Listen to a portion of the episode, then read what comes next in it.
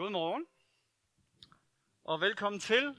Øh, jeg beklager meget, hvis du er kommet helt sådan, øh, uden at vide, hvad det var, der var temaet i dag. Øh, men nu har vi haft barnevelsignelse, så nu skal vi snakke om, hvordan, hvor de kommer fra. Nej, det skal vi dog ikke. Men, øh, men vi har egentlig i mange, faktisk i flere år, sagt, at vi vil gerne tale om sex og single-liv og skilsmisse og alt sådan nogen. Og hver eneste gang, så har, vi, så har vi endt med at sige, ah, vi udskyder det, fordi hvordan får man lige det flettet ind i en gudstjeneste? Hvor der sidder så forskellige mennesker, som der sidder sådan en formiddag her. I alle mulige situationer. Hvordan kan man overhovedet gøre det? Og så i år, så besluttede vi os for alligevel nu her i slutningen af uge 6, hvor I måske har opdaget, at det virkelig er fokus i samfundet, øh, så tager vi en enkelt søndag om sex og samfund, og så var det så mig, der trak 19. Og jeg ved egentlig ikke, hvorfor de er her alle sammen, altså. men jeg tænker, jeg lidt senere tager dem op til nogle vidnesbyrd. Og så, øh, så kan vi fordele det lidt på den måde. Og det, det er bare sindssygt svært, fordi det, fordi det er jo et ret bredt publikum, jeg sidder over for her, kan man sige. Både i alder, øh, der er kristne, der er ikke kristne, der er højreorienterede kristne, der er venstreorienterede kristne. Der er nogen, der er singler, der er nogen, der er gifte, der er nogen med homoseksuelle følelser. Der er der hele spektret i sådan en sal som nu her. Så jeg, jeg gør mig ingen illusioner om, at jeg ikke kommer til at støde nogen og krænke nogen, og nogen bliver fornærmet, eller nogen synes, at jeg går for langt den ene vej eller den anden vej. Det, det tror jeg, det kommer til at ske helt sikkert, så bare så vi ved det. Men det er et vigtigt emne, det fylder ekstremt meget øh, i samfundet, i vores liv i det hele taget. Og der er også et kæmpe skift, der er sket hen over de sidste mange år, men specielt øh, de sidste år måske, i forhold til kønsroller, i forhold til familieroller, familieformer og familiestrukturer, i forhold til kønsidentitet. Øh, jeg har fået at vide lige nu, at hvis du går på Facebook og skal vælge, hvad køn du har, så er der 71 muligheder. Plus en custom, så du kan lave din egen også. Ikke? Så er vi sikre på, at vi ikke krænker nogen i hvert fald. Øh, I New York, der kan du få en bøde på 250.000 dollars, hvis du kommer til at give det forkerte personlige stedord til en person. Altså han eller hun, eller dem, eller det er det, der sker lige nu i det samfund, vi er en del af. Øh, lovgivningen ændrer sig. Øh, rigtig mange ting bliver seksualiseret, det ved vi godt. Det har vi efterhånden ved at vende os til, at alt hvad der hedder reklamer og film og sådan noget, de fylder mere og mere. Øh, tidligere sexdebut, debut, tidligere pubertet, sikkert på grund af alle kemikalierne i drikkevandet og alt muligt andet. Ikke? Men der er rigtig mange ting, der spiller ind, som gør, at ting ændrer sig. Og der bliver vi jo nødt til at sige, hvad, hvad tænker vi om det? Hvad mener vi om det? Hvad mener Gud om det? Hvad mener Bibelen om det? Og hvad er vores grundlag for etik og moral i det hele taget? Samtidig tænker jeg, at vi som kristne skal passe på, at vi ikke bare tænker, at noget er dårligt, fordi det ikke er, som det plejer at være. Jeg tror faktisk i virkeligheden, at rigtig meget af det, som, som vi som kristne sådan siger, ah, det der, det er i virkeligheden bare, fordi vi er nostalgiske, og, og ikke kan lide forandring, fordi øh, der, er ingen, der er ingen mennesker, der kan lide forandring. Så, så rigtig mange mennesker tænker, oh, kernefamilien og opbruddet i kernefamilien. Jeg vil bare udfordre dig til at prøve at finde kernefamilien i Bibelen. Altså, det, det, er ikke en, det er ikke sådan noget, vi lige kan slå op og sige, her er kernefamilien. Eller hvordan skal du opdrage dine børn? Der er, så, der er så mange ting, hvor du ikke lige kan finde et facit i Bibelen. Og når vi så siger, nu har det skrevet, så det, har det skrevet fra det, vi plejede at være. Men vi, vores argument for at sige, at det er dårligt, bliver nødt til at være noget andet, end sådan plejer det ikke at være. Så vi bliver nødt til at finde tilbage til nogle, hvad er der nogle bibelske principper, vi kan hvile på? Hvad er der for nogle bibelske principper, når det drejer sig om familieliv og sex og køn og alle de her ting? Øh, og jeg tror ikke, jeg kan komme til at komme med en hel masse klare svar i dag, men jeg tænker, at jeg måske kan komme med nogle sådan grundlæggende pejlemærker, eller værdier, grundværdier, som jeg mener, at Bibelen giver, som jeg mener, at kristendommen giver. Og øh, hvis du ikke er kristen og er her, så er det klart, at der er rigtig meget af det her, som slet ikke vil være til dig. Fordi øh, Gud forventer ikke, at man uden en relation til Gud kan leve efter hans anbefalinger.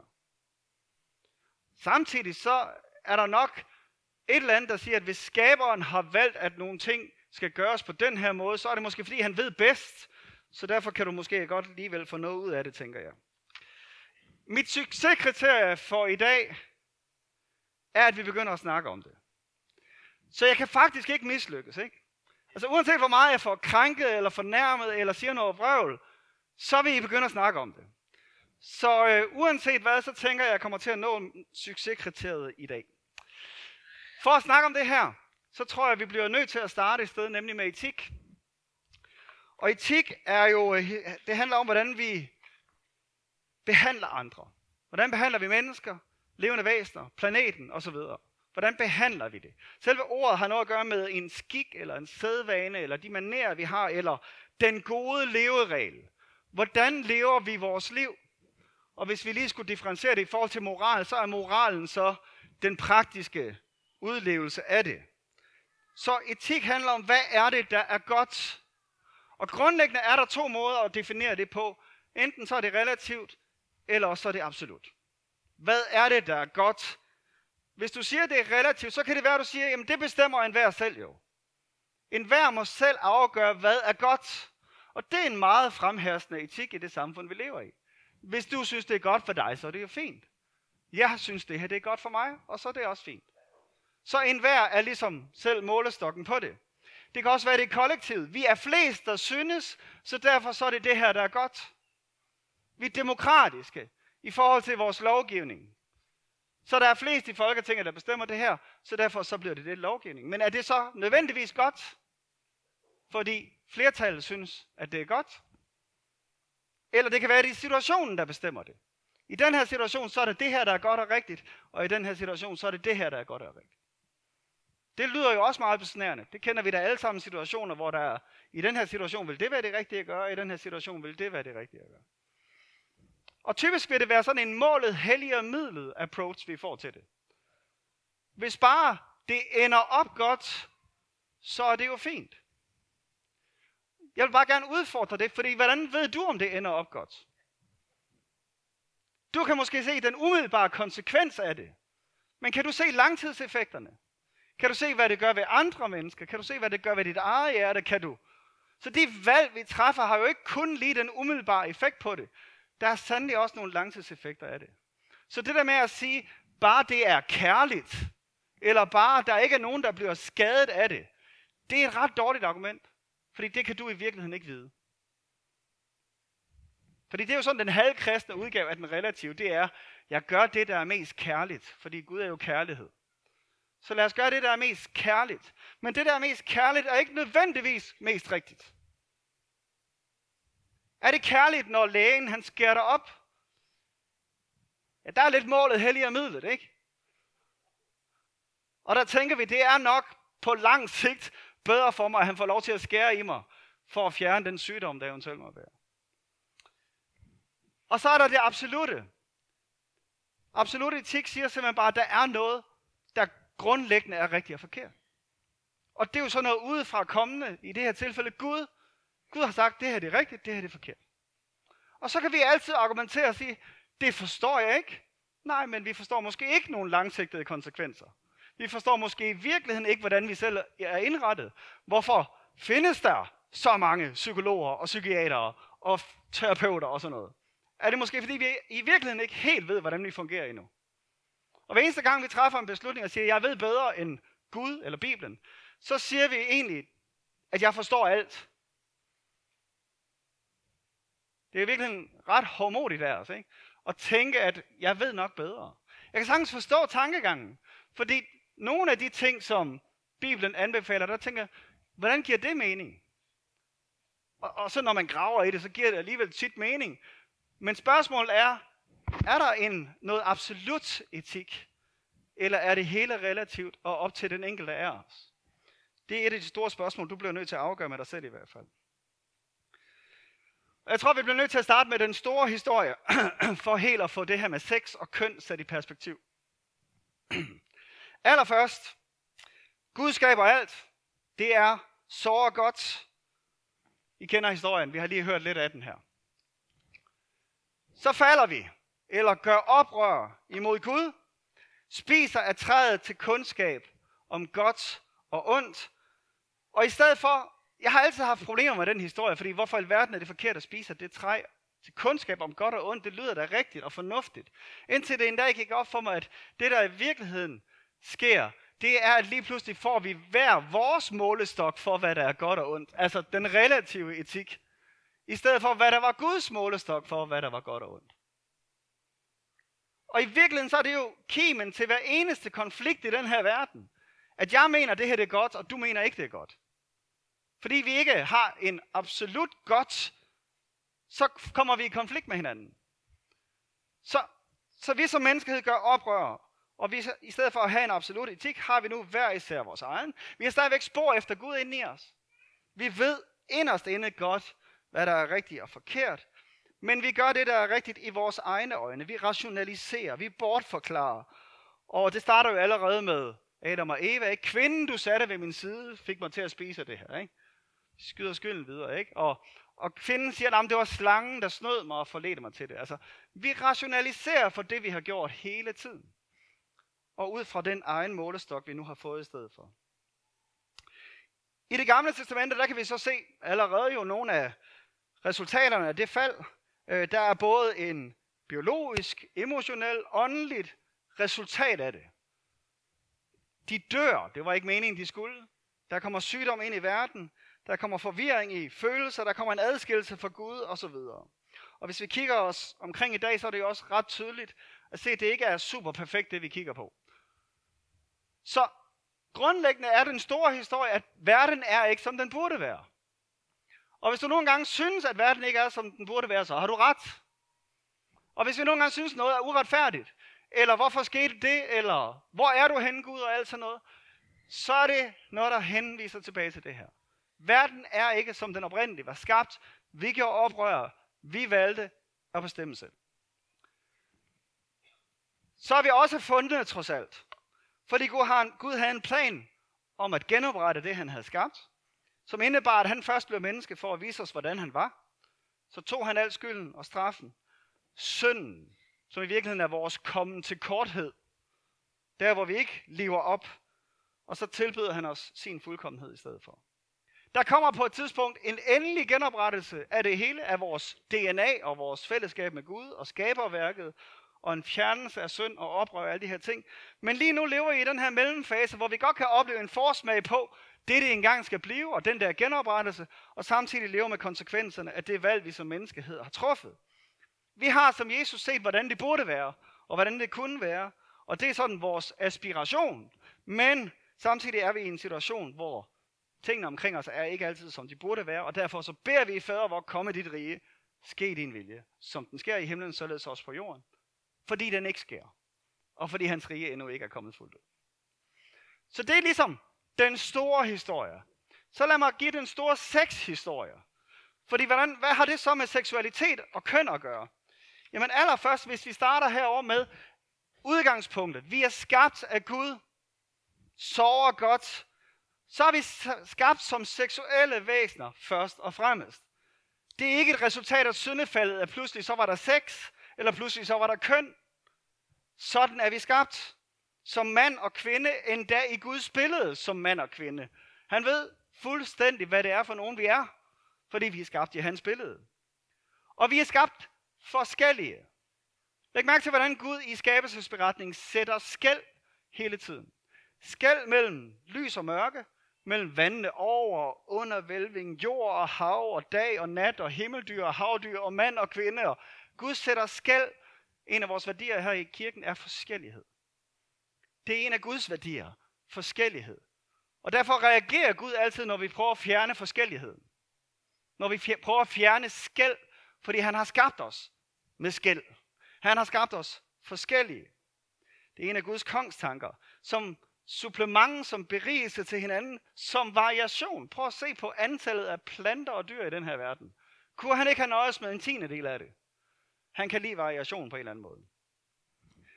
I uddybningerne af skabelsesberetningen i kapitel 2, så kan vi faktisk se, at Gud først skaber mennesket. Adam betyder menneske. Så Gud skaber ikke manden først, Gud skaber mennesket først. Det er faktisk rimelig vigtigt. Og øh, så mangler det her menneske en modpart. En hjælper, en lige mand eller lige kvinde, en der svarer til ham, står der. Der mangler en, der svarer til ham. Og så deler han mennesket de to. mand og kvinde. Så han skaber mennesket, og så deler han mennesket i to. Så mand og kvinde er skabt fuldstændig lige, asymmetrisk lige, kunne man sige. Fordi det er ikke, de er ikke lige dan, men de er lige, men asymmetrisk lige. Der er nogle ting, der er nogle forskelle. Der er nogle forskelle, som så også gør, at vi passer sammen. Og vi er skabt med en afhængighed og en dragen til hinanden. Prøv at lægge mærke til Adams jubel, da han ser Eva første gang. Altså, du kan sådan fornemme den der, hey, der er en, der passer til mig her. Så den der afhængighed af hinanden, og den der dragen til hinanden, er ikke noget syndefalds noget. Det er det, vi er skabt med. Vi er skabt til at passe til hinanden. Det er ikke godt for mennesker at være alene af Guds konklusion, da han deler mennesket. Så det, og så er det så tanken, at de to halvdele, om du vil, forenes igen.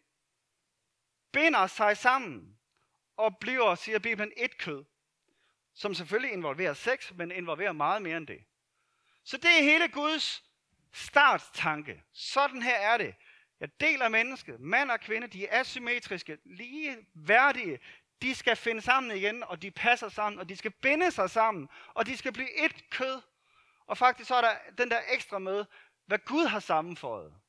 Så, så der er en tredje del i det der. Det er ikke bare det, at mand og kvinde går i seng med hinanden, eller mand og kvinde deler liv og hjerte med hinanden. Der er et eller andet Gud i det der også.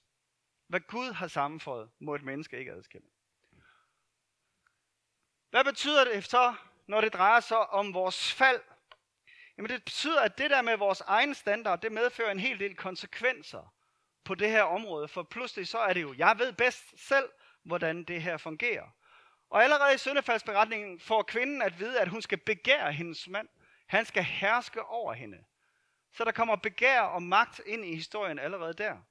Og i Gamle Testamentet kan vi se, hvordan at folket sådan hele tiden forsøger, eller der er hele tiden nogen i folket, som forsøger at udviske de der skæld. Og derfor så får vi nogle lov om homoseksualitet. Vi får nogle lov om ikke at gå i den anden parts tøj. Så man tænker, hvor, hvad skulle det lige til for? Men som om Gud sådan lige peger ned hele tiden. Jeg havde skabt jer forskellige. I er skabt til at passe sammen. I er ikke skabt til at være ens. Menneskers gener er til dels jo ødelagt. Vores følelsesliv er forvirret. Og åndeligt set er vi døde, adskilt fra Gud. Det er syndefaldets konsekvenser. Og samtidig så er der jo stadigvæk det der Guds billede i hver eneste af os. Der er masser af sex i det gamle testamente. Der er faktisk masser af sex, hvis man læser lidt efter. Og, øh, det, og, det, og det er både positivt og negativt i virkeligheden. Mennesket er en helhed. Der er ikke sådan en adskillelse mellem krop og sjæl ånd. Det er en helhed mennesket. Og øh, der er ingen celibat. Øh, det er næsten sådan en slags frugtbarhedsreligion, når du, når du er tilbage i det gamle testamente. Ikke? Med specielle regler om sæd og specielle regler om blod. Og, og så bliver det hen imod det nye testamente til en frelsesreligion. Det kunne man sige meget mere om. Når vi er fundne, hvad betyder det for vores køn og seksualitet? Jamen Jesus kommer så med en ny pagt, en ny aftale med mennesket, genopretter syndefaldets konsekvenser, løfter kvinderne op igen. Både Jesus og Paulus hæver kvinderne og, og siger det så tydeligt, som det overhovedet kan siges. Der er ingen forskel i Kristus på mand og kvinde. Det står der i Bibelen. Bare lige hvis nogen skulle være i tvivl. Så det Bibelen gør, er at føre os tilbage til det der og sige, lige værdighed, ære og det, der er blevet trykket ned, skal løftes op igen. Og Jesus tager den tilbage til skabelsesberetningen. Han siger, har I ikke hørt, at skaberen i begyndelsen skabte dem som mand og kvinde? Og så kommer han med hele den der ægteskabsdel igen, også om at blive et kød og så videre. Der er stadigvæk, det er stadigvæk ikke som det bør være, men Nyt Testamentet er fyldt med råd til at håndtere vores komme til kort, vores syndighed. Hvad gør vi så med det? Så kommer kirkehistorien jo ind efter det nye testamente og roder lidt i det. Fordi der er en hel masse indflydelse fra de gamle grækere. Og nogle gange så tænker vi, nej, hvor var de kloge, de gamle grækere. Det var de altså virkelig ikke på alle punkter. Og en af de ting, hvor de virkelig lavede råd i det, det var, at hos grækerne var der en stærk opdeling imellem kroppen og ånden eller sjælen.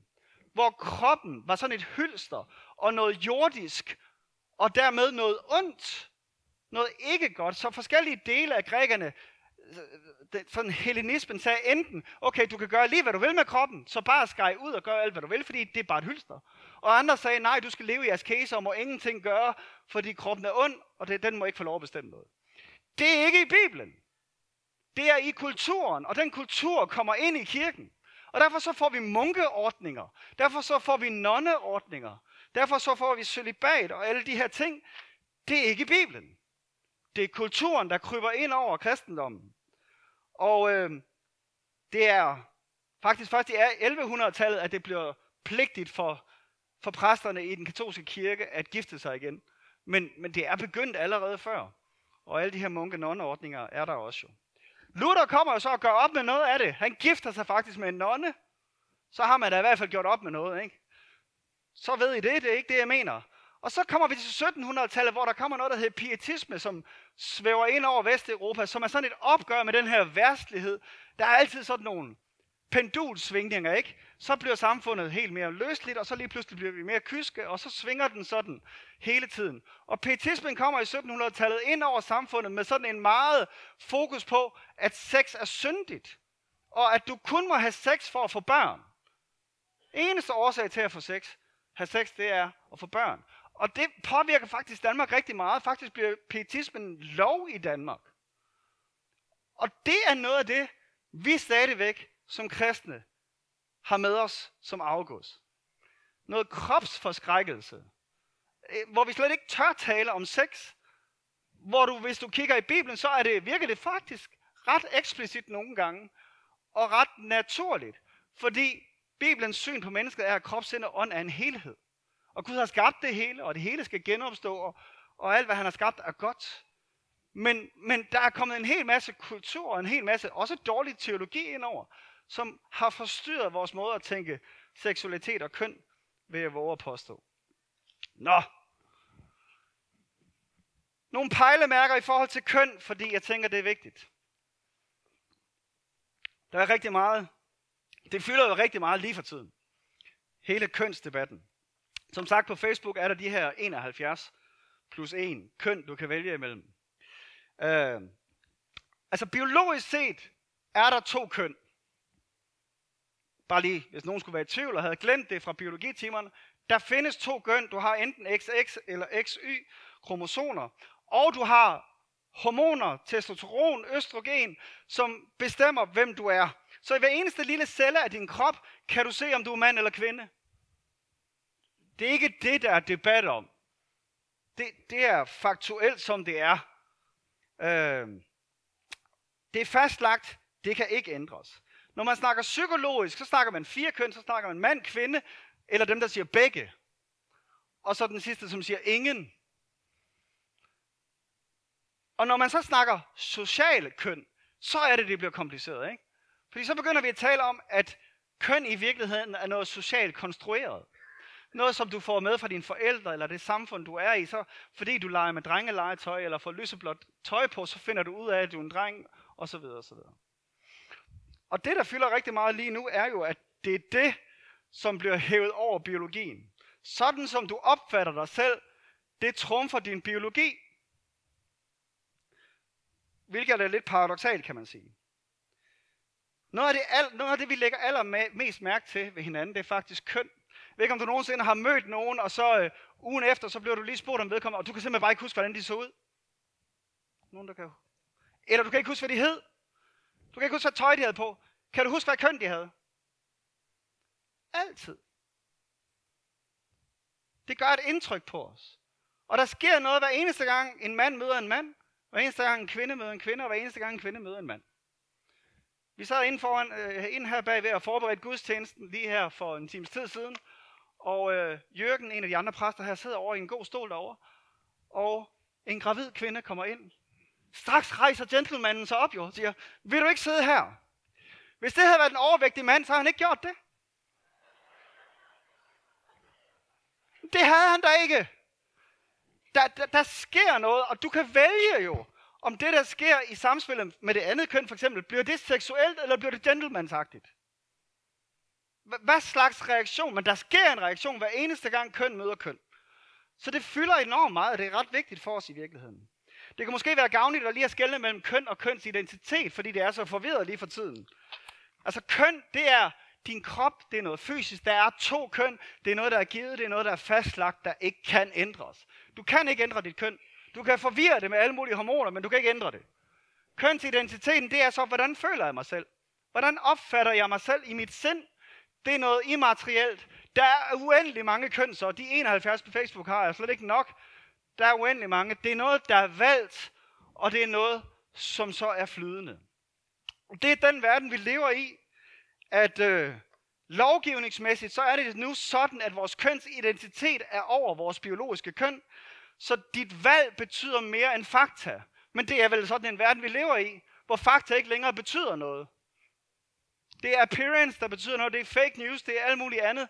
Så hvis jeg føler mig som noget, så kan jeg forændre min CPR-registrering. I hvert fald på kønsområdet. Jeg kan ikke få ændret, hvor høj jeg er i mit pas, eller hvad for en hudfarve jeg har af en eller anden grund. Men lige mit køn, det kan jeg så godt ændre. Så betyder det, at kroppen ikke er virkelig længere? Eller hvad er det, der lige der foregår? Og der er en fyr, der hedder Carl Elliot, som har forsket i det her. Han siger det sådan her. Han siger sådan, at the mere description of a condition can make it contagious. Altså alene det, at du beskriver en tilstand, kan få det til at smitte. Så når vi definerer, hvad er ADD og ADHD, så får vi pludselig en masse diagnoser på det. Og det betyder jo ikke, at det er nogen, der opstår ud af ingenting. Men det betyder alligevel, at lige pludselig, så er der nogen, der måske slet ikke er det, som identificerer sig som sådan. Og det er også det, der sker med hele vores kønsdebat lige nu. Så når sex og samfund i alle skolerne kører materiale om alle de her køn, der findes, er det så hjælpsomt, eller hvad, for børnene? Eller er det i virkeligheden bare medvirkende til forvirringen? Sætter det i virkeligheden noget, en, en forvirring i gang der, som bliver øget? Og der er vanvittigt fokus på det i dag. Sidste år har I måske opdaget i den her uge, fordi det er så meget i medierne, så kom der sådan en stor undersøgelse af danskernes sexvaner, som hedder Sexus. Den ligger på nettet, I kan selv gå ind og se på den. 0,54 procent af danskerne opfatter sig som transkønnet, eller det, der hedder non-binære. Altså det vil sige ikke mand eller kvinde. 0,54 procent. Det vil sige 99,45 procent ved godt med sig selv, om de er mand eller kvinde. Hvorfor i alverden er det så, så stort et emne? Hvorfor fylder det så så meget? Og hjælper det noget, at det fylder så meget? Faktisk så er det interessant, at 17% af mændene og 21% af kvinderne, mens de er børn eller unge, har problemer med at finde ud af, hvad de er. Så det er en helt naturlig del af det at blive menneske, at vi skal finde ud af, hvad køn vi er, og hvad betyder det, at jeg er mand og kvinde. Og så vil jeg gerne lige sige, at hvis du kigger i Bibelen, så kan du ikke se, hvordan er en rigtig mand og en rigtig kvinde. Så der er helt sikkert meget, når vi snakker social konstruktion af køn, der er rigtig meget social konstruktion. Der er rigtig meget, hvor vi sådan fortæller hinanden, hvordan det er at være en rigtig mand eller kvinde. Men det betyder ikke, at der ikke er en mand og en kvinde. Det betyder ikke, at der ikke er med utallige variationer mand og kvinde. Og det handler for hver især af os om at finde ud af, jamen, hvem er jeg i virkeligheden? Så jeg netop ikke bare lader mig afspejle af andre. I går eller i forgårs var der et program i tv, der hedder Manipulator. Nogle af jer har måske set det. Ham her, Illingsø, Hillingsø, hvad hedder han? Ham der fucker med din hjerne. Uh, han lavede også nogle forsøg. Og så, så, så, så var der en evolutionspsykolog, og så den kvindelige medvært, som sætter sig op i et, uh, i et fly, og så sidder de der og uh, venter på, at det der lysten, sikkerhedsbæltet, skilt, det kommer til at lyse. Og så siger hun, i det øjeblik den første knapper op, så gør alle det, siger hun så.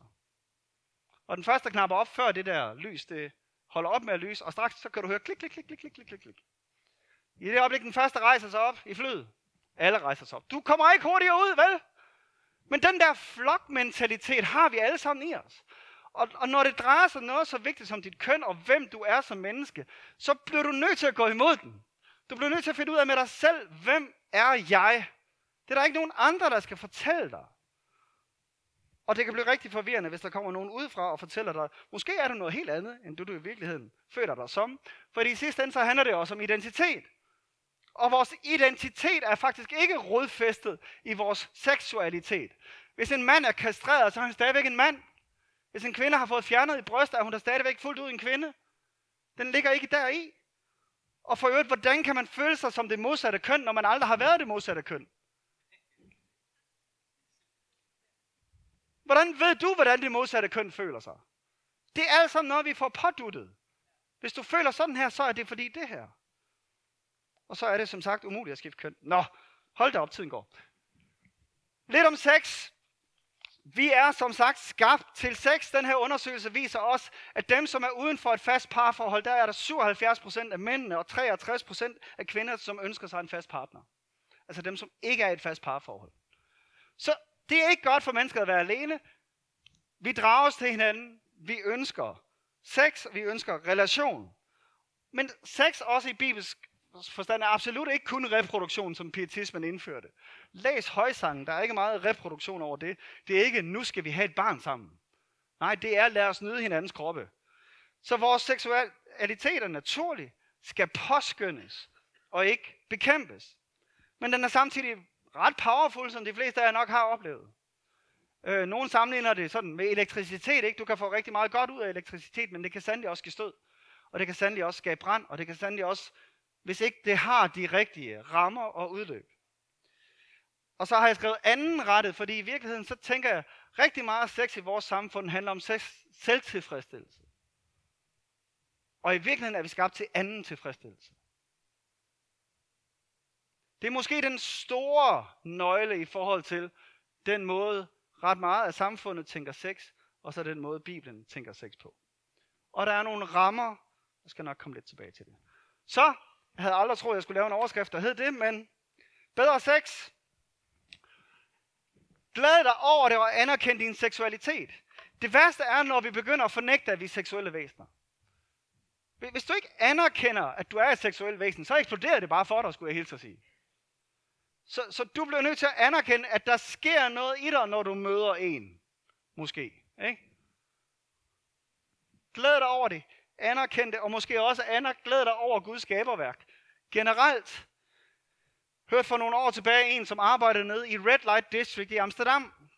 I en kristen organisation, og hver dag gik han forbi og så alle de her vinduer, hvor de prostituerede stod uden alt for meget tøj på. Og han kæmpede sådan med det, fordi han syntes, han blev fristet hele tiden. Og så på et tidspunkt, så føler han, at Gud siger til ham, har du problemer med mit skaberværk? Øh. Og hele pointen var bare, kan du ikke glæde dig over, at jeg har skabt en smuk kvinde, uden nødvendigvis ønsker at gå i seng med hende? Kan du ikke glæde dig over skønhed, uden at det behøver at blive noget seksuelt? Kan du ikke glæde dig over køn og møde køn, uden at der skal lægges andet i det? Fokus og proportioner. Så jeg kan godt glæde mig over det, men jeg kan jo også fylde mig så meget med det, at jeg overhovedet ikke kan slippe væk fra det. Ikke? Jeg kan jo vælge at opsøge det, i stedet for at vælge at minimere, hvor meget jeg bliver udsat for det. Så, så proportionerne i det, både i og uden for ægteskabet, er måske også i virkeligheden vigtigt. Som alt andet, så kan det jo fylde for meget. Rammen, som vi hørte der i skabelsesberetningen, er jo så ægteskabet. Det er ligesom der, Bibelen siger, om det er der, det hører hjemme det der. Det er det, det er skabt til i hvert fald oprindeligt. Og interessant nok, i den her undersøgelse, så viser det sig, at 23 procent, 23 procent af mændene i et fast parforhold har været utro. 23 procent af mændene i et fast parforhold i Danmark har været utro, og 14 procent af kvinderne. Og så laver de et andet spørgsmål, hvor de taler om utroskab er acceptabelt eller ej. Det er der kun 3%, der synes. Så vi ved godt, at det ikke er acceptabelt. Vi ved godt, at det er virkelig, jeg har bundet mig til min partner. Og selvfølgelig er det vigtigt at være tro der. Selvom vi ikke kan magte det og styre det. Eller i hvert fald 23% og 14% ikke kan det. Hvorfor i verden er det så, at Bibelen siger, at sex hører hjemme i ægteskab? Jeg tror, det har noget med sårbarhed at gøre. Der er en, der engang har sagt sådan, en hver hund kan jo gå i seng med en ny hver aften. Men det kræver en mand at tilfredsstille en kvinde hele livet. Altså, der er forskel på sex og sex. Der er forskel på overflade og dybde. Det, som Gud han har skabt sex til, er at være i et forpligtet forhold, hvor du ved, at det her det er til døden mig skiller. Vi vil altid være sammen, uanset hvor meget jeg messer op. Uanset hvor meget jeg gør forkert, uanset hvor dårlig jeg er til det her, så vil vi altid være sammen. Og så er det ikke kun vores kroppe, der møder hinanden, det er også vores sjæl. Det er faktisk også vores ånd. Det, det er derfor Gud han siger, at hvad Gud har sammenføjet, må et menneske ikke adskille. Og vi har fået løsrevet sex fra den der intime relation, og gjort det til et eller andet, jeg spiser noget og drikker noget og går i seng med nogen. Det er det bare ikke i Bibels forstand. Det, det er noget langt dybere, og det er beregnet til at være i en forpligtet relation, hvor du har sagt ja til hinanden. Bibelen lægger faktisk op til lighed og gensidighed, når det drejer sig om det seksuelle område. Jeg kan ikke komme helt masser ind på det, men, men det er måske overraskende. Bibelen siger, at vores kroppe tilhører ikke os selv. Den tilhører faktisk din partner. Du må ikke nægte din partner sex, undtagen i kortere tid med gensidig aftale. Så tydeligt står det. Så har jeg skrevet kommunikation, og det er bare sådan en, I får gratis nu her. Tal om det. Undersøgelsen her siger, at 34, kun 34% af mændene og 39% af kvinderne oplever lystbalance. Hvilket på dansk betyder, er tilfreds med den mængde sex, de får. 34% af mændene, 39% af kvinderne. Det vil sige, at 60-70% er ikke tilfreds. Så snak om det. Den er helt gratis. Nu bliver I nødt til at gøre det, når I kommer hjem her. Ikke? Øh, og så siger Bibelen måske, I får, ja, fordi så er det jo så, jeg har hørt om præster, som får alle mulige underlige spørgsmål i deres sjælesøgeriske samtaler. Øh, hvad med den type sex, og hvad med den type sex, og hvad med den type sex? I bund og grund, så kan man vel sige, at det princip, der er i Bibelen, der hedder, alt er tilladt, men ikke alt er gavnligt, også fungerer på det der område. Hvis I er enige om det, og det sker i det her forpligtede forhold, så er alt tilladt. Det er ikke sikkert, det er gavnligt, men alt er tilladt. Godt. Styr dig. Øh, det er måske i virkeligheden det vigtigste råd i forhold til seksualitet. Og ikke bare i seksualitet, men generelt i vores liv. Bibelen taler om noget, som den kalder åndens frugt, som er nogle egenskaber, som Helligånden får frem i os. Og en af dem er oversat som selvkontrol. Men i virkeligheden er det indre kontrol, fordi det er jo åndens frugt og ikke min frugt. Men det betyder i bund og grund, styr dig. Ligesom du gør på andre områder i dit liv. Ligesom du ikke sover på dit arbejde. Ligesom du ikke spiser burger hver halve time. Ligesom du ikke lever kun af cola, de fleste i hvert fald. Så styr dig på det seksuelle område også. Hvem styrer hvem? Og jeg tror for rigtig mange mennesker, så er det deres seksualitet, som løber afsted med den. Specielt jo yngre du er, for jo større er din sexdrift jo. Men hvem styrer hvem? Og, og når Bibelen smider det ind under åndens frugter, så betyder det også bare, at du kan ikke bare tage dig sammen og sige, jeg gør sådan her. Eller nu gør jeg ikke sådan her.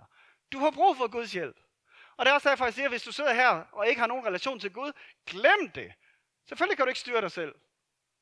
Du må prøve så godt du kan, men vi har brug for Guds hjælp, for at også det her område kan komme under kontrol. Men det, som er den store forskel i forhold til det, vi oplever i det gamle testamente og det nye, det er jo, at i det gamle testamente er det en ydre lov, i det nye testamente er det en indre lov. Det er en indre styring. Det er dig og Helligånden, der skal finde ud af, er det her rigtigt at gøre eller forkert at gøre? Og så måske i samtale med andre i virkeligheden. Bare fordi jeg føler noget, behøver jeg ikke at handle på det. Så bare fordi du føler, du har lyst til at købe på McDonald's her efter, behøver du ikke. Bare til din orientering. Nå, tiden flyver. Hvad så med, lad os lige tage fire korte, ikke fire korte, fire kæmpe områder, som vi ikke kan nå at sige en hel masse om. Onani, hvad skal jeg sige, Bibelen siger ikke noget om det.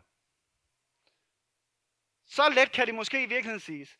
Bibelen siger ikke noget om det. Og så hvis I vil have statistikkerne, 96% af mænd, 87% af kvinder.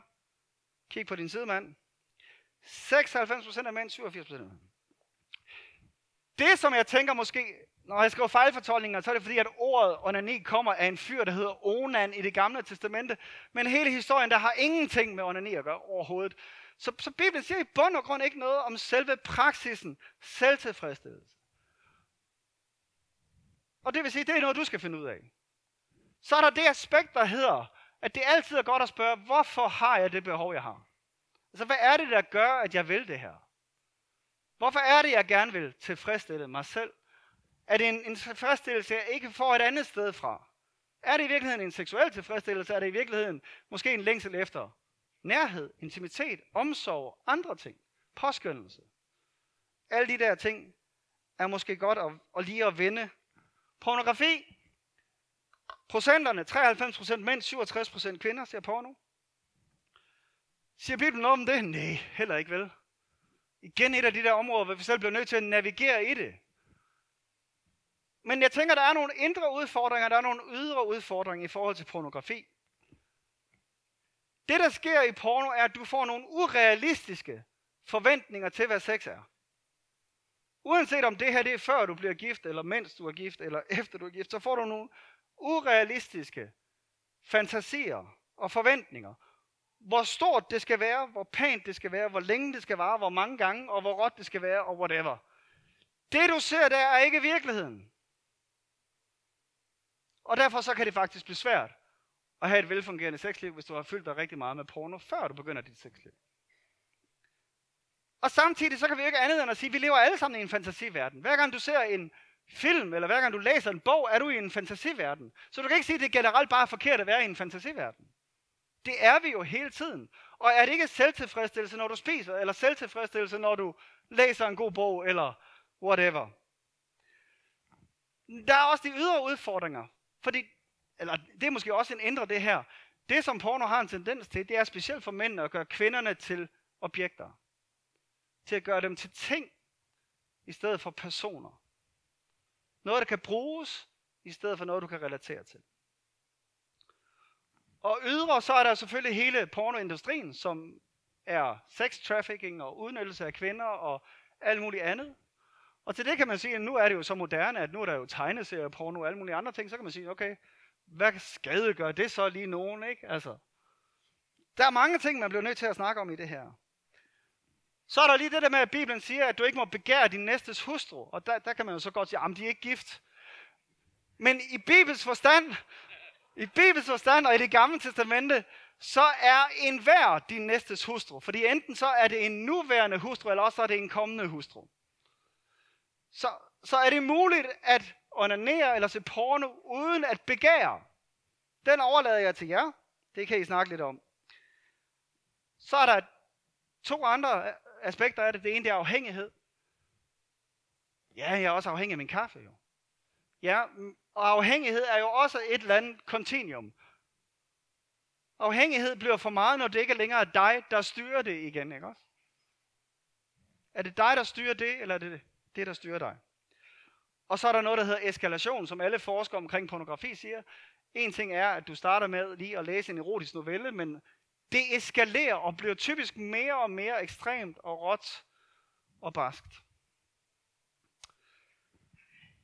Før, uden for ægteskabet, øh, det har jeg allerede sagt noget om, at Gud han har skabt det til at være i ægteskabet. Og det der med at styre sig selv. Og i virkeligheden, så, der kommer nogle gange folk til mig og så siger, men nu ved vi jo, at vi skal giftes. Så er det vel lige meget. Og til det plejer jeg bare at sige, hvis ikke du kan kontrollere dig selv før ægteskabet, hvorfor tror du så, at du kan kontrollere dig efter ægteskabet? Hvis ikke du kan lade være med at gå i seng med nogen, før du bliver gift, hvorfor skulle du så kunne lade være med at gå i seng med andre, efter du er blevet gift? Det er jo en disciplin. Det er jo noget, du skal lære, og lære vel at mærke i samarbejde med Guds ånd.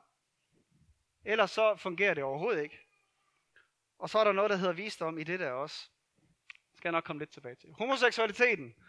Øh, jamen, hvis vi kigger på den store historie, vi havde fat i før, så er det jo tydeligt nok, hvor problemet kommer ind. Det er jo, når hele faldet sker. At vi bliver forvirret i vores kønsidentitet, vi bliver forvirret i roller, mande, kvinderoller osv. Og vi kan slet ikke begynde at, at snakke om det her emne, fordi der er så meget, der spiller ind. Der er så meget også i opvækst og opdragelse, og der er selvfølgelig også noget biologi. Men, men det vigtige er måske bare at vide, hvem styrer hvem. Og du behøver ikke at gøre noget, fordi du har lyst til det. Specielt ikke, hvis du har Gud med i ligningen i hvert fald. Det har rigtig meget med identitet at gøre også. I øvrigt så er det interessant i den der undersøgelse, at, at homoseksualitet er omkring 1,5% for mænd og 0,6 for kvinder. Biseksualitet 1,8%, 2,6 for kvinder. Mens det for dem, som er uafklaret om deres seksualitet, hedder 3% og 6%. Så der er langt flere, som siger om sig selv, at de er uafklaret i forhold til deres seksualitet, end der siger, at de er homoseksuelle eller biseksuelle. Det synes jeg faktisk er en meget interessant ting. Fordi det viser bare, at der er rigtig meget forvirring på det her område. Og vi bliver som oftest ikke klogere af at få det smidt i hovedet hele tiden. Eller, eller at der er lobbygrupper, som presser på. Det gør os ikke klogere nødvendigvis. Vi er tilbage til det, jeg startede ud med at sige. Det handler om, at du skal finde ud af, hvem er du? Hvordan har Gud skabt dig? Hvor skal du læse og finde ud af, hvordan du er en mand eller kvinde eller alle mulige ting? Og hvad er det, du må kæmpe med, som alle kæmper med? Vi har alle sammen seksuelle ting, vi kæmper med. Og det, det gør ingen forskel, om det er homoseksualitet, eller det er utroskab, eller hvad det er. Vi er alle sammen på en eller anden rejse. Nå, where do we go from here? For det første, tal om det. Det er måske den vigtigste, I skal have med herfra, ikke? Tal om det. Elsk alle. Der er mange... Nej, elsk alle. Det, det giver rimelig sig selv, gør det ikke? Noget før sandhed. Det er det, der er Bibelens budskab. Der er mange ikke-kristne, der har en opfattelse af, at kristendommen fordømmer dem. Og der er bare ikke noget, der kunne være mere forkert. Jesus kom ikke til verden for at dømme verden, siger han, men for at frelse verden. Gud forventer ikke, at du kan leve op til hans ideal. Jesus strammede netop idealet for, at vi skulle se vores komme til korthed, vores syndighed, så vi kunne anerkende vores behov for en frelser. Men vi leder ikke efter en frelser, før vi opdager, at vi er i nød. At vi har et problem. Og indtil da, så kan man sige, så siger Gud, I får det, som I vil have det. Og mere af det, I gerne vil have. Så som ikke kristen, Gud fordømmer dig ikke. Han rækker ud til dig. Som kristen skal du da slet ikke føle, at Gud fordømmer dig. Romerbrevet 8.1, så er der da nu ingen fordømmelse for dem, som er i Kristus Jesus. Og alligevel så er der rigtig mange af os, der render rundt med skam. Også skam over eh, at komme til kort på det seksuelle område. Det er en misforståelse.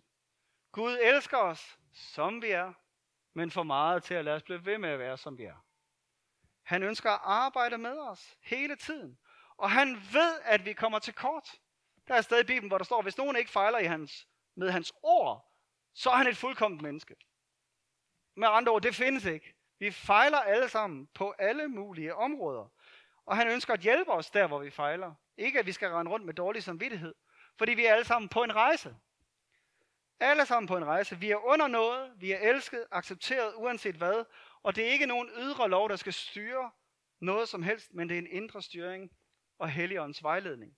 Men nogle gange så får vi blandet det sammen med dårlig teologi og dårlig kirkekultur. Det er Guds godhed, der leder til omvendelse.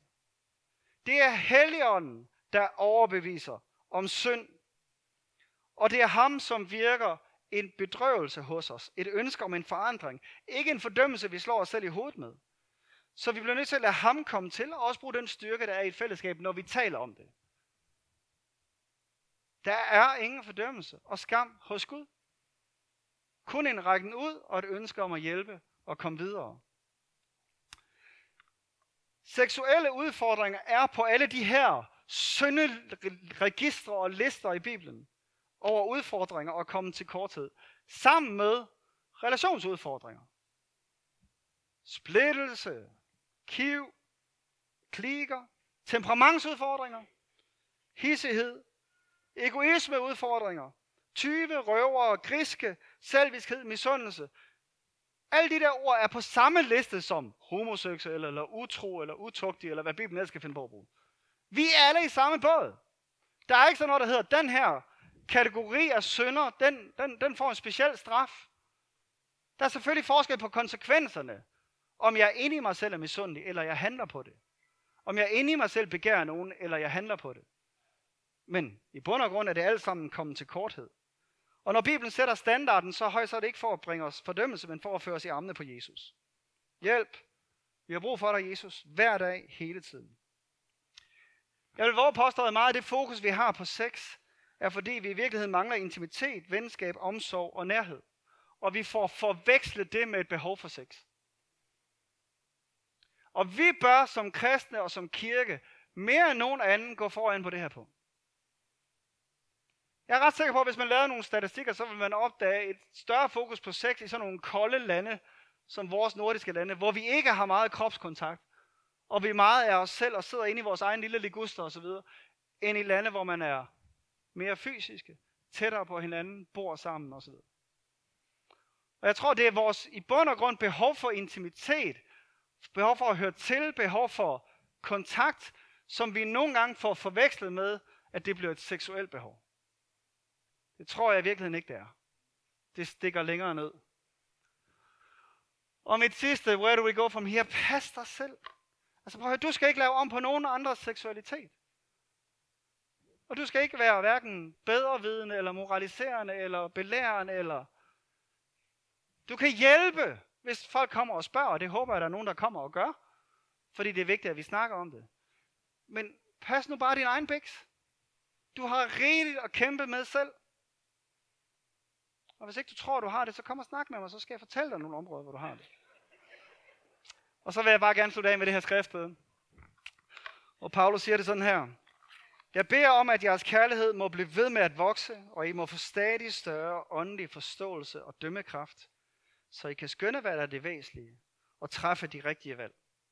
Jeg beder om, at I på dommens dag må kunne stå med ren og uplettet samvittighed, og med rige resultater af de gode gerninger, som Kristus har udført gennem jer til ære og pris for Gud. Lad os bede sammen. Herre, hjælp os. Herre, hjælp os på det her område med køn og identitet og seksualitet. Her vi anerkender, at vi, vi er i den her verden, vi er i her, hvor det ikke er, som det er blevet skabt til at være. Hvor hverken verden er det, eller vi er det. Og her jeg beder og takker, fordi at du kan komme og læge os. Tak, at du kan komme og give os identitet. Forståelse af, hvad det vil sige at være os, mig, mand, kvinde, far, mor, datter, søn. Kom og læg os der, hvor vi er brudte her. Kom med visdom og afklaring der, hvor vi er forvirrede. Kom med lægedom og tilgivelse der, hvor der er sket forbrydelser imod os. Der, hvor der er sket overgreb, hvor vores grænser er blevet overskrevet. Kom med din lægedom og din helse her. Kom og genopret, som var det, du kom for her. Her tak for snakken. Tak for samtalerne, der kommer til at være her efter. Jeg beder om, at du vil komme med visdom og ledelse. Her hjælp os at bære hinandens byrder. Hjælp os at være der for hinanden og løfte hinanden op. Her hjælp os at også Helligånden blande dig ind i vores daglige vandring på alle områder i vores liv. Også det her. Her tak for god sex, god seksualitet og mere af det. Amen.